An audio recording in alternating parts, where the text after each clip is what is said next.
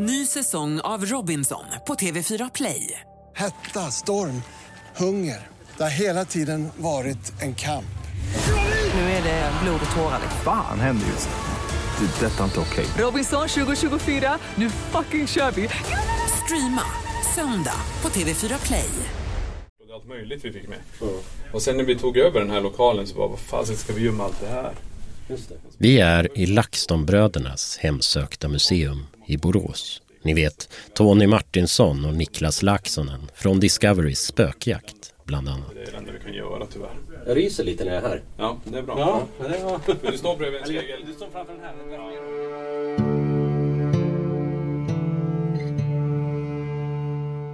Det kommer helt oväntat. Det börjar som en rysning över axlarna men växer till en djup frossa som sprider sig inom mig längs med ryggraden ner i magen och runt bröstet. Det är först senare som jag inser att min kropp reagerar som om jag är livrädd. Jag har utan att veta varför blivit skrämd av något. Jag står framför en spegel som sägs vara hemsökt och rysningen eller skräcken som min kropp upplever tar över hela situationen. Jag är förbryllad. Jag trodde inte att det här skulle hända mig och av någon anledning allra minst på ett museum fyllt av påstått hemsökta prylar. Jag bor med min familj i ett gammalt torp. När vi flyttade från Stockholm och ut på landet köpte vi ett dödsbo. Mannen som bodde här innan oss var ett original. En enstöring som inte gärna umgicks med grannar. De sista åren var han sjuk och han blev allt mer vresig. En oktoberdag gick han till ett av husen på tomten, ställde upp en stege för att laga taket. Därefter gick han in i huvudbyggnaden och la sig och dog i det som nu är vårt vardagsrum. Borde inte jag då bo i ett hemsökt hus? Nej, i ärlighetens namn har vare sig jag eller någon annan i min familj varit med om något obehagligt eller övernaturligt här. Och kanske var det så enkelt att han med glädje gick vidare och lämnade den här platsen utan att se tillbaka. Han var nog färdig. Och om nu hus kan bli hemsökta kanske det krävs mer än en vresig gubbe för att det ska inträffa. Och människor dör ju faktiskt överallt hela tiden. Du som lyssnar, ägna en sekund åt att fundera över hur många som dött just där du befinner dig. Det borde vara ett gäng. Är platsen hemsökt? Ja, kanske. Oavsett är det nog många som kan känna igen den obehagskänslan man kan få av vissa platser. Som att de bär på något tungt eller sorgligt som de vill dela med sig av till alla besökare, som att bördan måste delas. Idag öppnar vi de tunga och knarrande dörrarna till dessa platser. Och vad som än vistas där inne vistas där i ensamhet. Jag heter Albin Boman och det här är säsongspremiären av Podplays fruktansvärda monster.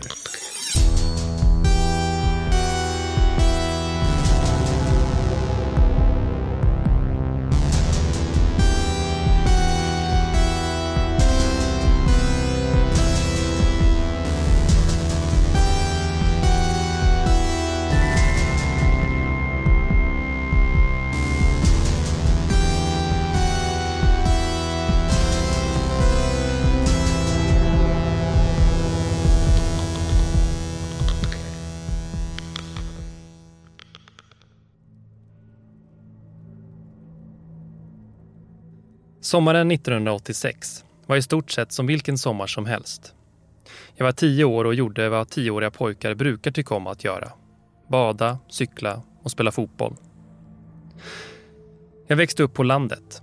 Det var mestadels bönder och deras familjer. Själva byn hade knappt hundra invånare och erbjöd väl inte sådär jättemycket att göra för barn. Men vi hade trots allt inga problem att roa oss. En fredag den sommaren gick jag och mina kompisar Kalle, Micke och Stefan på tågspåret som ledde genom orten. Eftersom vi redan hade gått längs spåret åt ena hållet, söderut, bestämde vi oss för att utforska det andra hållet.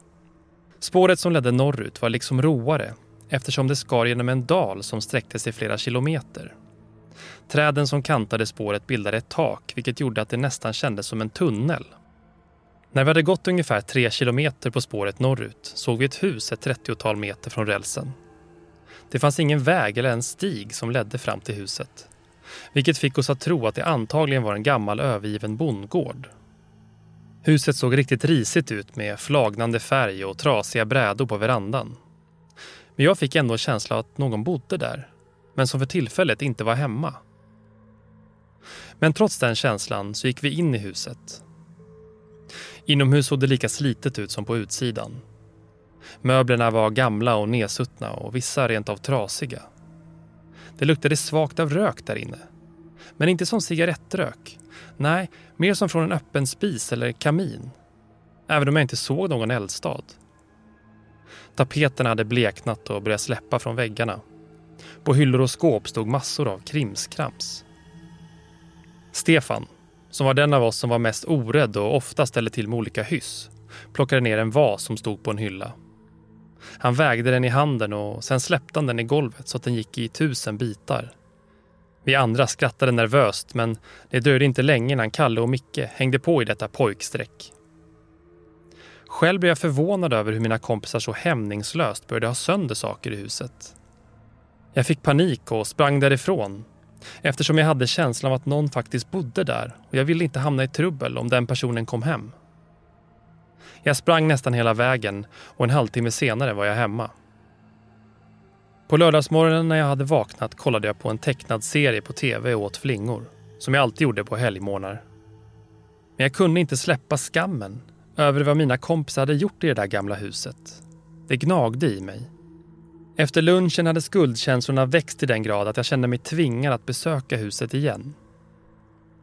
När jag kom fram knackade jag på dörren och efter en lång stund öppnade en gammal kvinna. Hallå där, lille pojk, vad kan jag göra för dig? sa den gamla kvinnan. Jo, jag och mina kompisar var här igår och de andra förstörde några av dina saker, så jag ville bara be om ursäkt, sa jag. Ja, jag vet, sa den gamla kvinnan. Jag tog de tre pojkarna på bar gärning. Men det visar på stort mod att du kommer hit och ber om ursäkt. Jag heter Magda. Vill du förresten komma in en stund? Jag sa ja till inbjudan och gick in i huset. Vad jag kunde se så hade det städats upp efter skadegörelsen. Till och med vasen som Stefan slängt i golvet stod på sin plats. Hon måste ha haft en likadan i reserv, tänkte jag. Vi satt i varsin sliten fåtölj i vardagsrummet och hon frågade vad jag hette och andra typiska frågor som vad jag hade för intressen och favoritämne i skolan. Efter några frågor sa hon Men vad jag är ouppfostrad. Vill du ha saft och kakor? Det ville jag. Men när hon hade gått in i köket insåg jag att jag helt hade glömt bort att jag skulle spela fotbollsmatch samma dag. När de kom in med fikat ställde jag mig upp. Förlåt, men jag glömde bort att jag ska spela fotbollsmatch. Jag måste skynda mig hem. Men jag kan komma tillbaka en annan dag. Innan hon hann säga något var jag redan på väg ut ur huset. Även denna gång sprang jag längs järnvägsspåret hem. Jag kom hem precis lagom för att hinna byta om och komma i tid till matchen. Tyvärr behövde vi lämna walkover eftersom att mina tre kompisar aldrig dök upp. Jag tänkte att de måste ha fått utegångsförbud då de blev tagna på bar gärning av den gamla kvinnan och att hon måste ha berättat det för deras föräldrar. Under eftermiddagen kände jag skuldkänslor för att jag så abrupt hade lämnat den gamla kvinnan. Så jag beslöt mig för att lätta på mitt hjärta och berätta om händelsen för min pappa. Jag redogjorde vad som hade hänt på fredagen och att jag hade gått tillbaka tidigare under lördagen och bett om ursäkt till henne. Min pappa tittade förbryllat på mig. Det där låter som galna Magdas hus. Men, men det finns inte kvar. Är det här någon slags skämt? Frågade han. Nej, vad menar du? Sa jag. Han fortsatte att titta på mig, som om han försökte avgöra om jag drev med honom och sa sedan Ja, för ungefär 40 år sedan hittades kropparna av sju barn nedgrävda på hennes tomt. Hela byn blev chockade och arga och man samlade ihop ett gäng frivilliga som stängde in henne i huset och brände ner det till grunden.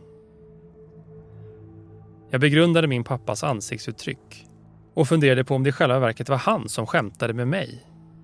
Jag fortsatte i säkert 20 minuter att försöka övertyga honom om att det jag hade berättat faktiskt hade hänt. Okej, men man kan fortfarande se de sju gravarna vid det nedbrända huset. Vi kan åka dit direkt så får du se, sa min pappa när han till slut hade tröttnat på mitt tjat. Och jag gick motvilligt med på att åka tillbaka till huset igen. När vi kom fram såg det till min stora förvåning precis ut så som min pappa hade förklarat. Huset var bara en svart ruin med några enstaka förfallna stommar. Jag förstod inte. Hade jag bara fantiserat ihop allting? Pappa berättade bakgrunden om huset och den tragiska historien om barnamorden. Han tog med mig till baksidan av den nedbrunna byggnaden för att peka ut var kropparna blev återfunna. Pappa gick runt en stund och inspekterade tomten. Det var konstigt, sa han. Jag trodde bara att det var sju mord. Men nu är det tio gravar.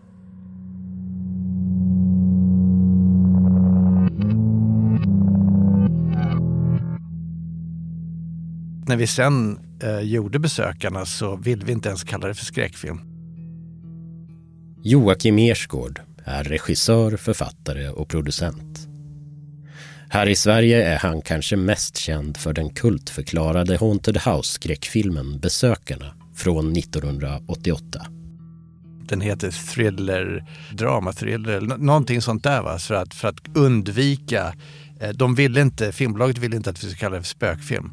Därför då tänkte de på spöket Laban och någon med så vitt lakan på sig. Va? Så att det blev någonting annat, men den, den kallades inte när den släppte för skräckfilm.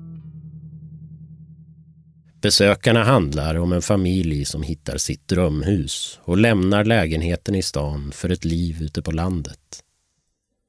Pappan i familjen, Frank Eriksson, spelad av Kjell Bergqvist, är reklamare och hustrun Sara, som spelas av Lena Endre, är journalist.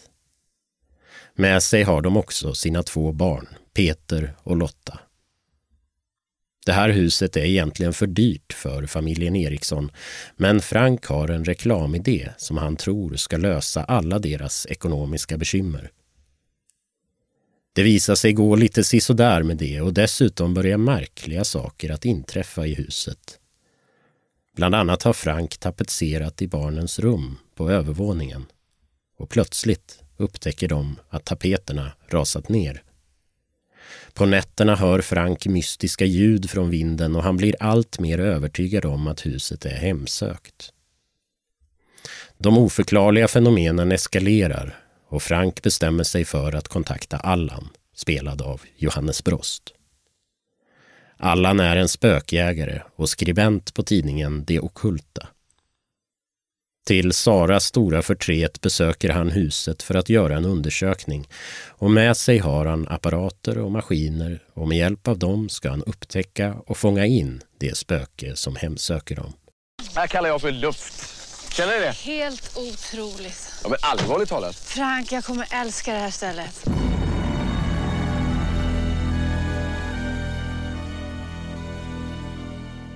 Joakim Ersgårds pappa, Håkan Ersgård, var en erkänd regissör och låg bland annat bakom dramaserien Hedebyborna som sändes mellan 1978 och 1982.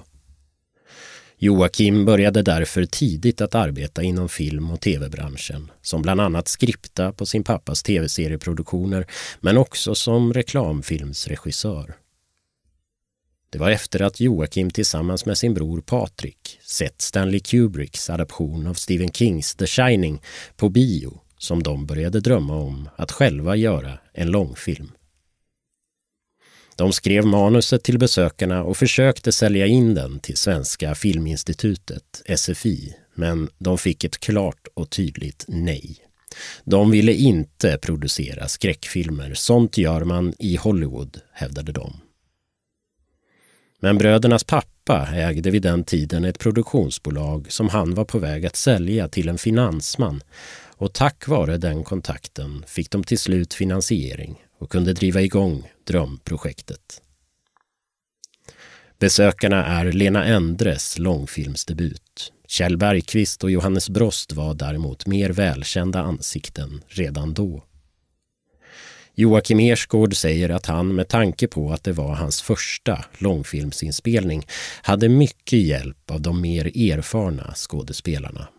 Det var ju fantastiskt. Alltså, eh, eh, Kjell Kjelle och Johannes då, eh, och, och Lena. Kjelle och Johannes var ju kändare ändå. Lena var, hade ju precis varit med i en serie som hette Varuhuset, en såpopera då. Så hon, det var inte så många som visste vem hon var utanför det. Men hon var ju suverän, hon är en suverän skådis så det, det visade sig direkt att eh, hon, hon gick bara rakt in i det. Så utan, utan de skådespelarna där så, alltså de gav ju mig väldigt mycket support genom att de hade lång erfarenhet och gjort mycket och så vidare. Så att det var ju liksom, eh, det var väldigt viktigt att få dem.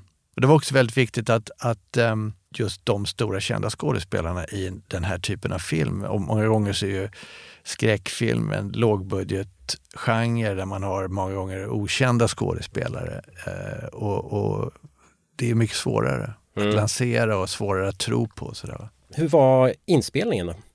Den var förjävlig. Asså? Varför då? Nej, men alltså, jag hade kommit, när jag var 24 så var jag väldigt erfaren på allting. Men vad jag inte hade någon erfarenhet med var att gå in, en långfilm är som att springa ett maraton. Va? En reklamfilm det är att springa eh, 500 meter jävligt snabbt, om man säger så. Så um, jag insåg inte hur svårt och tungt arbetet är på, på en långfilm och att det känns som att det aldrig tar slut. Och vi hamnade slutligen 15 dagar över den ursprungliga planen. Och det var på hösten, det var i oktober, det var regnigt, mulet, dåligt väder, lerigt där vi skulle filma utanför huset, kallt. Mm. Man förlorar solen väldigt snabbt, den går ner. Så att, eh, alltså det var problem efter problem efter problem hela tiden genom hela produktionen kan man säga. Ny säsong av Robinson på TV4 Play. Hetta, storm, hunger. Det har hela tiden varit en kamp. Nu är det blod och tårar. Fan händer just det. det detta är inte okej. Okay. Robinson 2024, nu fucking kör vi. Streama söndag på TV4 Play. Ett poddtips från Podplay. I fallen jag aldrig glömmer djupdyker Hasse Aro i arbetet bakom några av Sveriges mest uppseendeväckande brottsutredningar. Går vi in med hemlig telefonavlyssning och, och då upplever vi att vi får en total förändring av hans beteende. Vad är det som händer nu? Vem är det som läcker? Och så säger han att jag är kriminell, jag har varit kriminell i hela mitt liv men att mörda ett barn, där går min gräns. Nya säsongen av Fallen jag aldrig glömmer på Podplay. I besökarna byggs den spöklika stämningen upp långsamt. Det är inga stora gester i början av filmen utan spökerierna får ta tid och de eskalerar. Joakim Ersgård säger att han själv uppskattar historier som är orealistiska men som berättas på ett realistiskt sätt. Du ska själv känna att det hade kunnat vara du och det obehagliga ska komma krypande, säger han. Och I början så kanske man inte blir så rädd för det som händer. Men sen så dras tumskruvarna åt. Då, va? Så det var planerat på det sättet. Och sen är det att berättartekniken, det som vi hade lärt oss då, det var ju liksom att det börjar och sen bygger det långsamt upp mot ett klimax. Idag är det tyvärr så att många, alla filmer liksom, de börjar med en bang och så fortsätter det banga till slutet. Och så blir det inget klimax på slutet för att du är så det blir liksom inte större, det kan inte bli större än det redan har varit. Va? Och eh, det, det vill vi hålla oss borta ifrån. Joakim Ersgård berättar att han tidigt hade en väldigt tydlig bild av hur filmen skulle bli. Han kunde se hela filmen färdig, ruta för ruta. Jag har förklarat detta för många, bland annat producenter och så i filmbranschen och de tror inte på mig. För mig är det ibland som att köra film med ett bord. Ibland om jag gör en actionsekvens så kan jag långsamma ner filmen i huvudet och se precis vad klippen ska vara. Och på det sättet så kan jag rita in bilden så att varenda ruta i hela besökarna var storyboardad. Och den här stora slutscenen eh, med Kjell eh, som hänger upp och ner i vindskontoret där, den, den är väldigt komplex med väldigt mycket inställning, kamerainställningar, vinklar och sånt där och den satt jag, min frus familj hade då ett, ett sommarställe uppe i Jämtland. Det var långt ute på vischan utan vare sig el eller eh, vatten eller någonting. Man fick ut och hämta vatten i en bäck och såna grejer. Så det var verkligen liksom basic. Eh, vedeldad spis och sånt där. Och eh, där satt jag på natt på sommaren, den sommaren 87 blev det när vi skulle börja filma så satt jag där och eh, på natten alltså i, med sån här gasljus på satt jag med hörlurar och lyssnade på musik och så storyboardade hela den där slutsekvensen då och den tog mig tror jag en vecka att storyboarda varenda natt satt jag där och höll på med det. Det var bra stämning där ute på landet också med gasljus och grejer. När besökarna skulle gå upp på bio våren 1988 var det ovanligt varmt och vackert väder. Detta gjorde Ersgårdbröderna nervösa för att biopubliken skulle svika dem. Men premiären var välbesökt och även om det fick blandade recensioner så var publiken väldigt entusiastisk. Och sedan dess har filmen levt vidare och med åren fått kultstatus. Det är ju trots allt en av få svenska skräckfilmer. Jag tycker det är obegripligt och fantastiskt. Jag hade aldrig kunnat tro att den 35 år efter att den gjordes att den skulle eh, fortfarande vara så pass uppskattad eh, som den är. Och att det även alltså i den yngre publiken som är 30-årsåldern som kommer och, och, och upptäckte den när de var små, såg den på video och såna grejer och så tyckte att det här var helt läskigt. Och, alltså, jag har alltid tyckt att film är färskvara. Jag trodde att när, när filmen hade gått ut på video och gått färdig på video i, i Sverige så skulle den vara borta från allas medvetande. Du måste dra härifrån nu. Du fan kan andra och sticka. Nej, nej, nej, nej.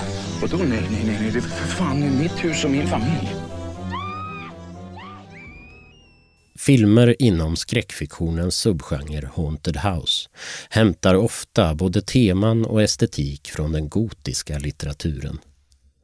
Stora, dystra slott och herrgårdar som hemsöks, inte bara av spöken utan också de tidigare ägarnas mörka förflutna.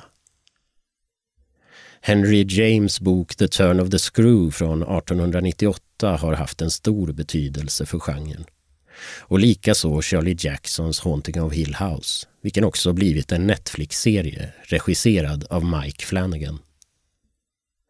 En familj som flyttar in i ett stort gammalt hus och som därefter plågas av spökerier är kanske en av skräckfiktionens vanligaste upplägg. Och det är inte så konstigt. För vi förknippar hus med hem, familj och trygghet. Och när något hotar oss i vårt hem tas tryggheten bort från familjen, vilket är något av det värsta många kan tänka sig. It's coming from downstairs. It comes from everywhere and nowhere. A house of terror on the haunted cliffs of Cornwall, where the uninvited walk unseen by men. Regissören Louis Allens film The Uninvited från 1944 brukar räknas som den första skräckfilmen med detta tema. Den handlar om Rick Fitzgerald och hans syster Pamela som köper det övergivna huset Windward House beläget intill havet i Cornwall i sydvästra England. En natt hör Rick hur en kvinna gråter och ni kan inte ana vad som händer sen. Detta tema var därefter omåttligt populärt inom skräckfilm, även under 1950-talet. Och filmerna var sällan våldsamma, men desto mer kusliga, i gotisk anda. Men i och med 1970 och 80-talens slashervåg blev också Haunted House-filmerna råare.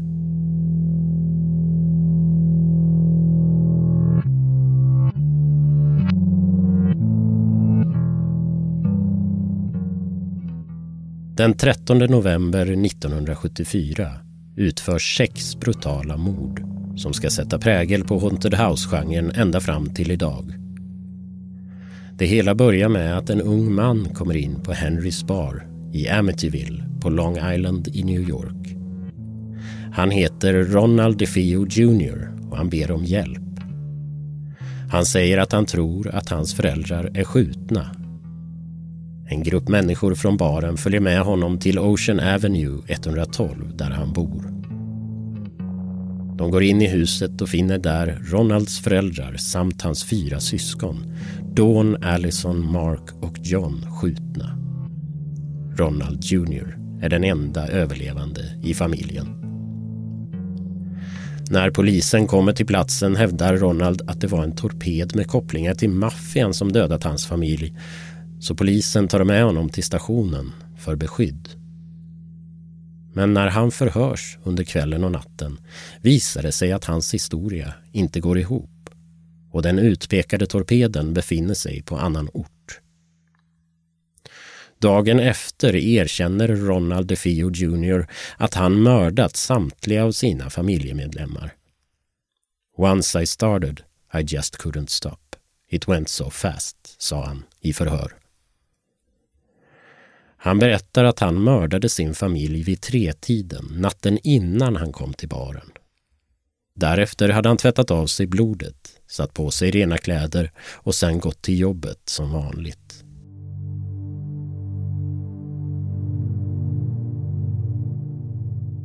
Sedan står huset på Ocean Avenue 112 tomt i 13 månader. Tills George och Kathleen Lutz köper det och flyttar in i december 1975 med sina tre barn. Och där bor familjen i drygt ett år. Men den 14 januari 1976 lämnar de hastigt huset och alla sina ägodelar. Vad de säger sig ha upplevt i huset under det året kan man läsa om i Jay Ansons bok The Amityville Horror från 1977. Två år efter att den kom ut filmatiserades den, regisserad av Stuart Rosenberg.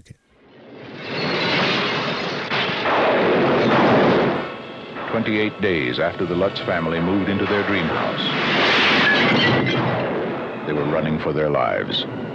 What happened to them? is an experience in terror you will never forget. And you will believe in the Amityville Horror. Efter det har det kommit en drös Amityville-uppföljare. Under åren runt 1980 kom fler stilbildande och klassiska Haunted House-skräckfilmer. Bland annat Tobe Hoopers Poltergeist från 1982 och som vi nämnt tidigare Stanley Kubricks adaption av Stephen Kings The Shining.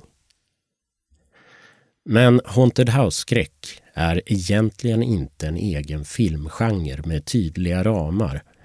Man kan hävda att både The Others från 2001 med Nicole Kidman i huvudrollen och found footage-filmen Paranormal Activity från 2007 är Haunted House-skräckfilmer.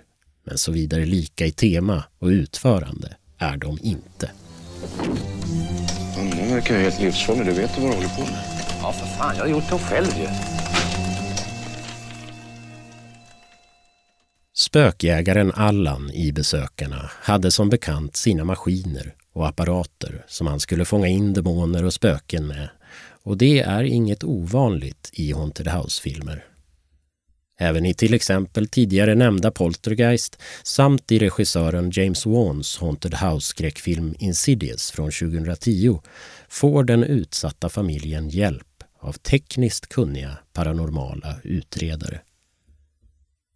Om du nu skulle märka att det under nätterna börjar knacka i väggarna och skrapa på vinden är det bröderna Tony Martinsson och Niklas Laaksonen, kända som LaxTon, som du bör höra av dig till. För LaxTon är paranormala utredare.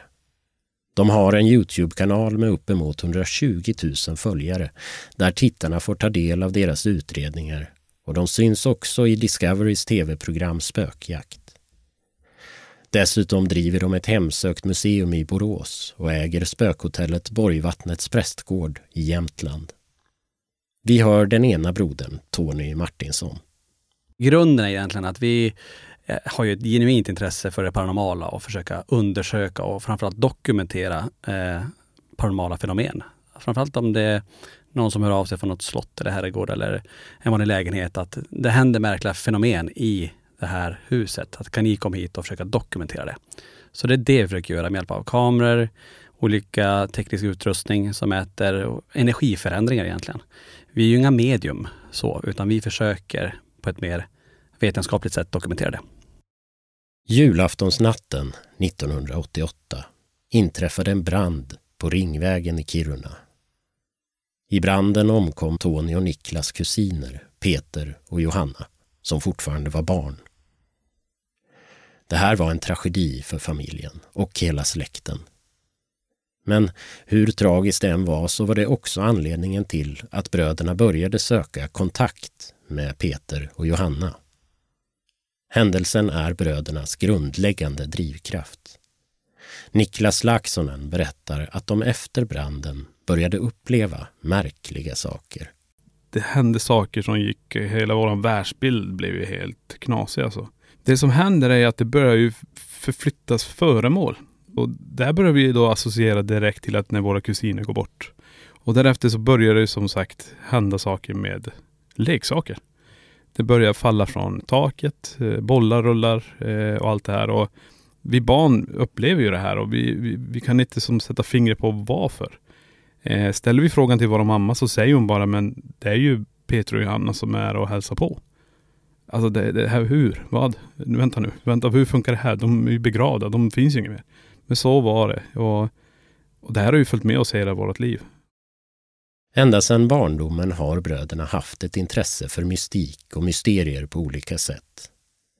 De säger att de konsumerar allt de kommer åt om dessa ämnen och följer flera amerikanska och brittiska spökjägarteam. När de 2014 bestämde sig för att ta steget och starta upp verksamheten LaxTon upplevde de att det fanns ett hål att fylla i Sverige. De enda som då ägnade sig åt paranormala fenomen i offentligheten var tv-programmet Det Okända.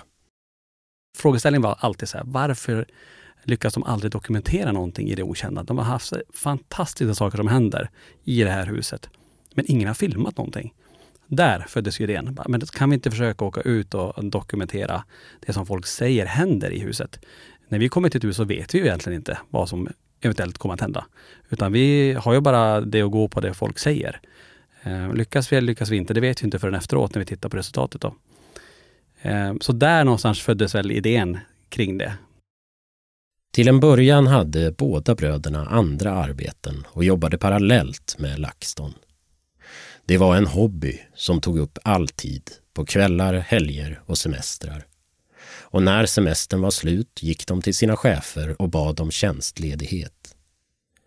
Deras frånvaro från arbetet blev allt längre och runt 2020 började det bli ohållbart. Alltså vi mäktar inte med att hålla på. Vi har hållit på nu i sex år och jobbar parallellt. Att all semester har gått till LaxTon. Vi har vi har ingen fritid, utan det är bara efter jobbet och så jobbar man med LaxTon. Då. Så vi kände att det är lika bra, ska vi göra någonting nu, antingen lägger vi ner eller så satsar vi 100 procent. Så att det var ju väldigt läskigt från att ha haft fast arbete och man har ju barn och familj och, och försörja självklart. Till att bara, okej okay, nu satsar jag 100 procent på den här hobbyn. Då. Och det med facit i hand så var det ju helt 100 procent rätt beslut. För efter det, då lossnar det. Då har du ju all tid att förfoga över till ditt intresse och då blir det ju större. Ny säsong av Robinson på TV4 Play.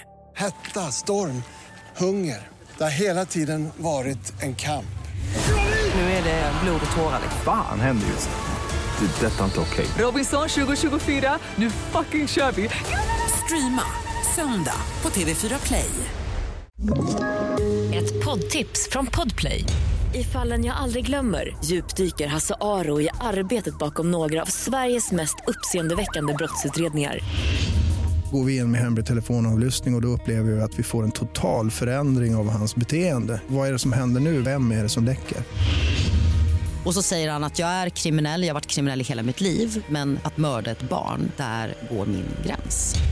Nya säsongen av Fallen jag aldrig glömmer på Podplay. LaxTon har vuxit och består nu av fem anställda och det behövs, säger de. För verksamheten har breddats under de senaste åren. Bland annat genom det hemsökta museet, vilket enligt bröderna är det första av sitt slag här i Sverige. Där samlar de alla föremål som de får skickade till sig.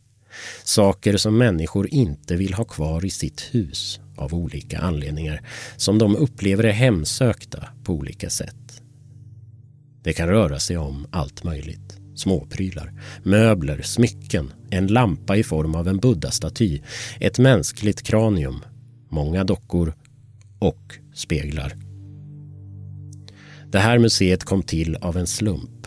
Tidigare har Tony och Niklas samlat allt material och all utrustning i sina hem men till slut blev det ohållbart och de började leta efter större kontorslokaler med ordentliga förvaringsutrymmen. Så då sökte vi en lokal eh, och så sa vi det, men ska vi ta en lite större lokal för vi har ju så himla mycket föremål. Och så ställde vi ut det bara. Och där föddes idén om just det hemsökta museet. Att ska vi göra någonting som bara finns i USA och England och ställa ut de här föremålen som vi faktiskt har fått. Och eh, säga det att är det folk som har grejer, att vill ni donera till museet så, så finns det plats för de här. Och där har vi också lättat på mångas hjärtan att eh, slippa slänga de här föremålen som de tycker ändå, eh, de känner väl att om man slänger det kanske blir ännu värre. Eh, kan de få ett nytt hem här på museet istället. Så det börjar väldigt eh, med få föremål och sen har det bara expanderat. Nu får vi in nya föremål nästan varje vecka från hela världen. Det är inte bara Sverige utan det, det skickas från USA, Frankrike och andra länder. Så det är jättespännande. De nya föremålen som kommer in till museet får gå igenom ett paranormalt experiment. Sakerna placeras i en speciell monter som övervakas av kameror dygnet runt för att dokumentera om något paranormalt inträffar kring dem. Och där får de stå under en veckas tid. Så fort museet är tomt på besökare filmas också resten av lokalerna för att fånga upp om något föremål till exempel skulle flytta på sig. Och det händer ibland. När de öppnar museet på morgonen och ser att till exempel en docka inte längre står på sin plats kan de gå till övervakningsfilmen och kontrollera vad som hänt under natten. Men ett museum som samlar påstått hemsökta föremål från hela världen, är det verkligen en bra idé? Och som besökare utsätter man sig för fara om man vistas där inne. Kommer man in hit så har vi lite förhållningsregler. Det är ju att det är inget foto, ingen video, ingen ljudupptagning på grund av att vi vill inte att det som rör sig ska dokumenteras om man tar det. För det är så många som kommer in och säger så här, jag vill inte ha med mig någonting när jag går härifrån. Eh, och jag förstår dem eh, till 100 procent. Och då har vi också eh, lagt till att rör ingenting. Det är det viktigaste. För jag menar, vi använder ju handskar själva eh, när vi gör det här. Så att vi ska ha någon slags attachment till det hela om man säger så. Det är många som har kristaller på sig när de kommer hit och de försöker ha olika skydd på sig. Men ibland hjälper inte det heller utan det ser ut som folk har sprungit maraton när de har varit en halvtimme här inne. Så det, det, det varierar väldigt mycket. Förr i tiden använde människor som ville ha kontakt med andra sidan analog utrustning. Bland annat ouija-bräden, tarotkort, stearinljus och man försatte människor i trans. Men LaxTon har istället tagit fasta på att mäta av olika förändringar i rummet. En stor del av deras apparater som de använder mäter energiförändringar. När de utför sina paranormala utredningar besöker de platser som sägs vara hemsökta i syfte att dokumentera det som påstås hända. Först går de igenom huset noggrant. Dörrar, lås, ventilation, elinstallationer och så vidare kontrolleras för att säkerställa att upplevelserna inte har naturliga orsaker. Därefter använder de sin egen utrustning för att försöka dokumentera fenomenen och kommunicera med andeväsendet. Och det är alltifrån att eh, mäta statiska fält till att den bygger upp sitt egna elektromagnetiska fält och när det bryts så ljuder en signal. Eh, eh, vi kan använda oss av ultraljud för att kunna mäta rörelse.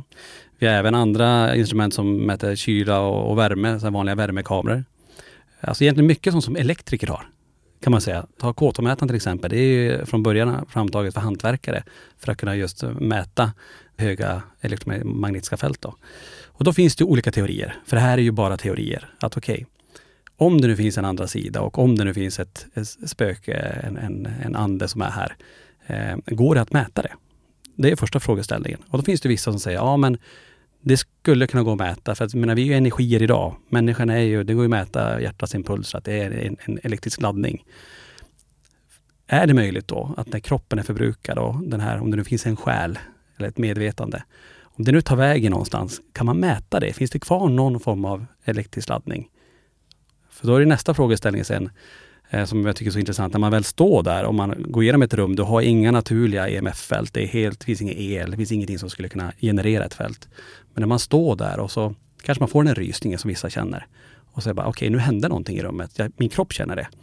Och så har du den mätaren och så ställer du frågan, okej okay, om det är någon som här gå fram till den här mätaren och gör det nu och det sker. Då blir det en energiförändring som är mätbar. Jag ser ju ingenting fortfarande, men någonting kan jag mäta. Och därifrån spinner man vidare sen. Okej, okay, kan man få mer svar? Är det en kvinna, eller man eller barn? Ja, det händer oförklarliga saker ibland under LaxTons utredningar. De verkar få något slags kontakt. Men vad är det som orsakar dessa paranormala fenomen? Vad är det som gör ett hus hemsökt eller vad i huset är det som skapar de här fenomenen? Och där kan det vara, vi pratar ganska mycket om olika saker. Det kan vara någon nära och kär släkting som kanske är kvar. Eh, det är väl kanske det vanligaste.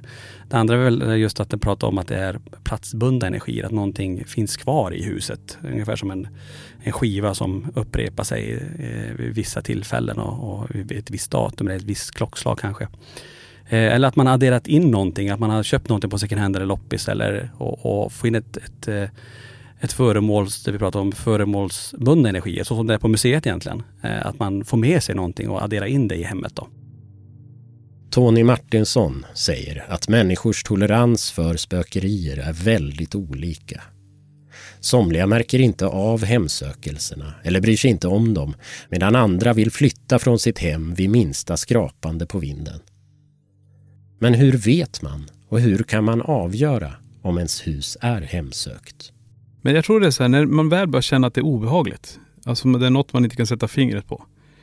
Eh, och då frågar ju folk också, hur kan jag då veta att det är hemsökt eller är det någonting annat? Alltså det, det är jättesvårt. Men eh, när man kan börja klassa ett hus hemsökt, det är när, när, när det börjar komma in rapporter om samma saker, att folk upplever det här kring det här. Eh, kanske flera ägare eller att man har gäster på besök och säger att jag kan inte vara här, det är något som inte stämmer. Då, börjar man, då är det något som är fel här. Då kan det vara också, det kan ju finnas logiska saker också. Det kanske är att det är mögel i huset, det kan ju vara höga EMF, det kan vara vad som. Nej men du är väl inne på någonting där. Alltså, jag tror dels, eh, oftast börjar det så att man börjar känna att det känns konstigt. Mm. Man börjar höra oförklarliga ljud. Eh, det är inte bara en person, utan det är fler personer som upplever det. Man kanske är lite kompisar som också säger att det är någonting konstigt här. Och, och att det eskalerar också. Att det blir värre och värre. Så det är väl de där klassiska sakerna egentligen. Eller, till slut börjar man ju se saker till och med också. Och det är klart, då, då har det ju kommit ganska långt. Till och med är det ju så i vissa gånger att man funderar på att flytta. Att det är så himla obehagligt att man känner att jag vill inte bo kvar här. På LaxTons sajt kan man läsa att det i tv-programmet Spökjakt är stort fokus på att fånga reaktioner. Hundratals timmar material spelas in och klipps sen ner för att avsnitten ska bli händelserika. Därför är spökjakt mer spektakulärt än LaxTons egna utredningar. Och det kan man ju förstå. Tv-formatet kräver ju lite mer dramaturgi och show. Men hur mycket show är LaxTon överlag? Alltså för oss, och det här är så viktigt, och det här säger vi alltid också. Det är så här, för vi och Niklas har ju byggt upp ett förtroende i Sverige. Vi har det här förtroendet och det här ska vi förvalta och för oss är det så viktigt. För vi är ju genuint intresserade. Vad händer när de inte finns längre? Skulle man börja fejka saker, då kan man lika väl göra en långfilm eller göra en skräckfilm. Och det är, det är ingen fel med det. Men då, då ska man hålla sig på den kanten. Vi vill ju dokumentera äkta fenomen. Så att det hade ju pajat allt som vi står för. Mm. Och då hade vi lika väl kunnat göra något helt annat. Om man är intresserad av att själv vara med om något övernaturligt så föreslår Tony och Niklas att man ska åka till ett påstått hemsökt hus. För chanserna att uppleva något ökar ju där. Det finns ett antal vandrarhem och hotell runt om i Sverige där det sägs spöka och där kan man tillbringa en natt. Jag frågar om det är något som man i så fall bör vara försiktig med. Kan det vara farligt? Alltså vi, vi brukar ju säga det också, du, du får göra din approach hur du vill men du, du får ju också ge, ge dig in i leken, får du leken tåla, det blir lite så. Var beredd på vad som kan hända också. Det kanske inte händer någonting. Det kan vara hur långt som helst, men det kan hända hur mycket som helst. För det, vi handl, det handlar om lite grann om hur du jobbar med ditt psyke också. Här. Eh, du, du kan ärra dig ganska rejält ifall saker börjar hända här. Så man också går tillbaka i, okej, okay, jag ska låta det få ske mot mig. Istället för att bara stänga helt. Alltså, försök vara där inne själv. Du vet att du är ensam. Men när du hör en stol på övervåningen flyttas, gå upp dit. Gå fram till det här. Försök få fenomenet ske framför ögonen så du får se det. Då är det, då är det helt annat. Så ska du också jobba mot ditt eget psyke. Du ska jobba mot mörkret. Du ska jobba mot så många andra saker. Eh, och det har vi gjort i så många år så för oss är det ju inget problem med det. Utan händer det att en stor flyttar då vill vi dit så fort som möjligt.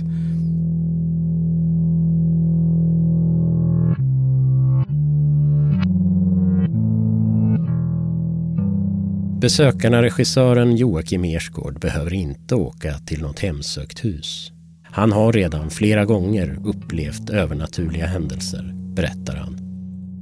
Både i en gammal skolbyggnad som hans familj arrenderade i Malmö när han var barn och i våningen på Östermalm där han växte upp. Jag har till och med träffat ett spöke i verkligen skaka hand med ett spöke. Är det sant? Ja. Det måste du berätta om. Ja, det var när vi gjorde den här serien Hedebyborna, mm. när jag var regiassistent, så hade, gjorde Berg, Ingmar Bergman Fanny Alexander samtidigt. Och han hade tagit alla inspelnings, alla studios i hela Stockholm som fanns, hade han eh, bokat för Fanny Alexander. Och vi behövde en studio för Hedebyborna och eh, vi tänkte då att vi får ta en lokal och, och bygga ett studiogolv. Det är ett ganska dyrt jobb att bygga studiogolv för att det ska vara platt man ska kunna åka på. så här. Och Det var någon som föreslog gamla myntverket nere vid Stadshuset. Och eh, vi fick då låna nycklar. Det var jag och min far och så var det produktionsledaren.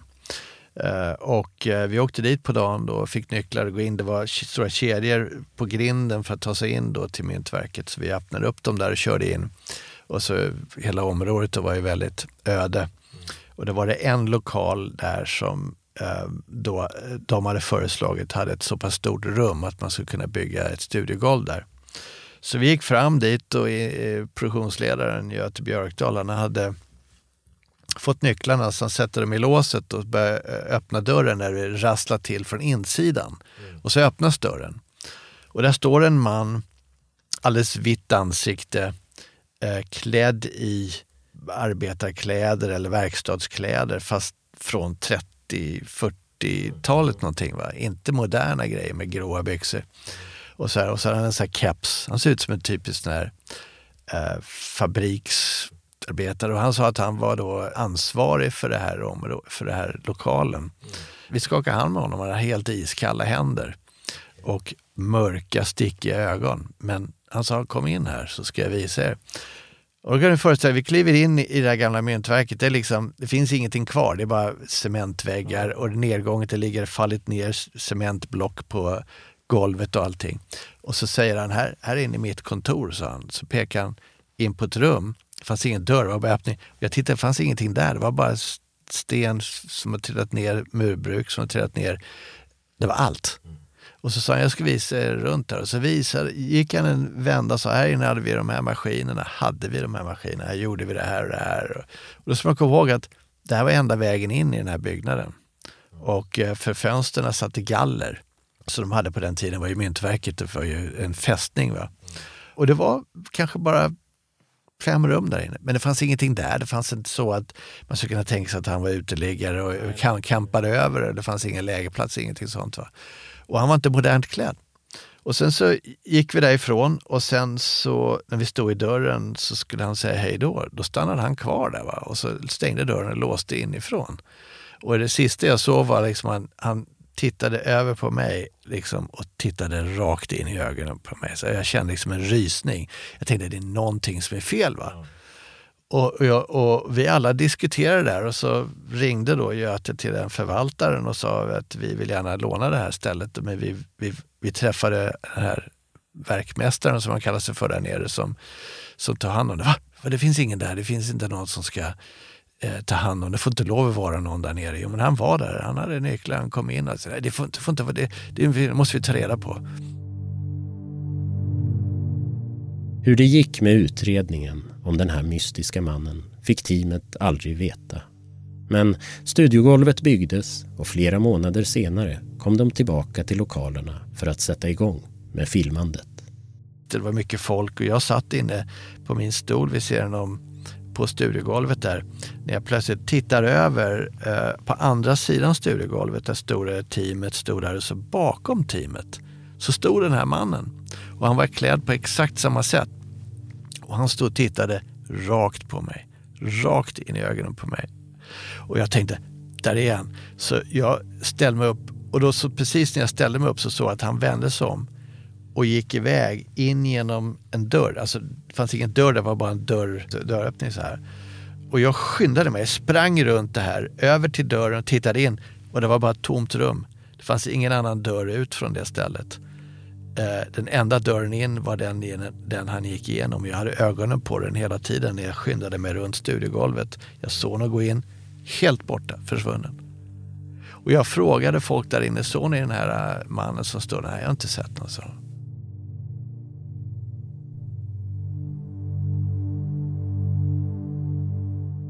Och hade det inte varit för dessa upplevelser som Joakim Ersgård och hans bror Patrik varit med om hade det kanske inte blivit någon skräckfilm. De händelserna väckte deras intresse för det okända och det var en naturlig del av deras liv.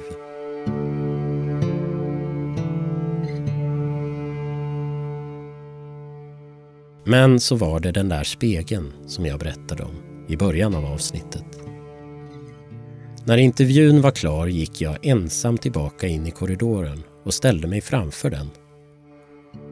Först kände jag ingenting, men efter en stund började jag rysa och frossan kom tillbaka ännu en gång. Jag var förbluffad och frös hela vägen ut till bilen. Det tog en stund innan jag kände mig normal igen. Sen kunde jag inte släppa den där spegeln riktigt. Vad var det som hade hänt? Jag mejlade LaxTon och frågade dels om de hade någon mer information om den och dels om det satt någon ventilation precis ovanför som hade kunnat få mig att frysa. Tony Martinsson svarade följande. Nej, det finns ingen ventilation. Det enda som sitter ovanför är en svart liten högtalare samt en spotlight i taket och en liten brandvarnare. That's it. Vi fick in väldigt många speglar i början av vår karriär. Tyvärr skrev vi på den tiden inte ner vem som lämnade dessa speglar. Idag har vi en helt annan rutin på detta. Det enda vi har fått till oss är via mediala personer som talar om att det är en enorm sorg kring denna spegel och att de förnimmer en kvinna som säger att livet blev inte som jag tänkt mig, inte alls som jag ville. Vem denna kvinna är vet vi inte än, men vi hoppas att något medium får till sig mer. Det vi däremot vet, och som är så otroligt märkligt, är att just vid denna spegel så är det nu fyra personer som har börjat blöda näsblod. Två av dessa är personer som aldrig tidigare blött näsblod, vilket jag tycker är än mer intressant. En av våra anställda, Johan, hade besökare i butiken och en av dem frågade om man verkligen kan få uppleva något inne i museet.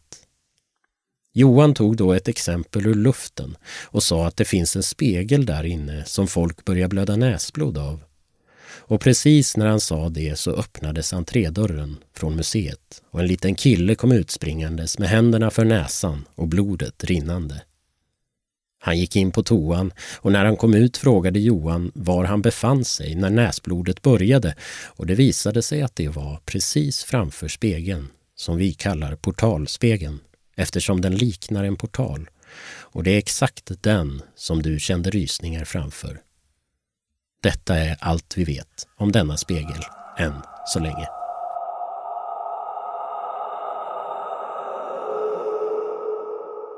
Ja, men jag vet vad ni tänker. Det var en tillåtande miljö. Det är meningen att jag ska känna något där. Och jag var bland människor som inte dömer mig. Det kändes till och med ganska skönt att berätta om det här för LaxTon-bröderna innan vi satte oss ner och gjorde intervjun. Liksom avväpnande på något vis. Att något också hände mig, jag som är skeptiker, ish. Jag kan ju såklart inte svära på att spegeln var hemsökt, men upplevelsen var verklig. Och det är väl egentligen det som är spöken. Upplevelser av något man inte riktigt kan förklara. Du har lyssnat på Podplays fruktansvärda monster producerat av mig, Albin Boman och Viktor Meidal. Följ oss gärna på Instagram under fruktansvärda monster. Tack för att du har lyssnat.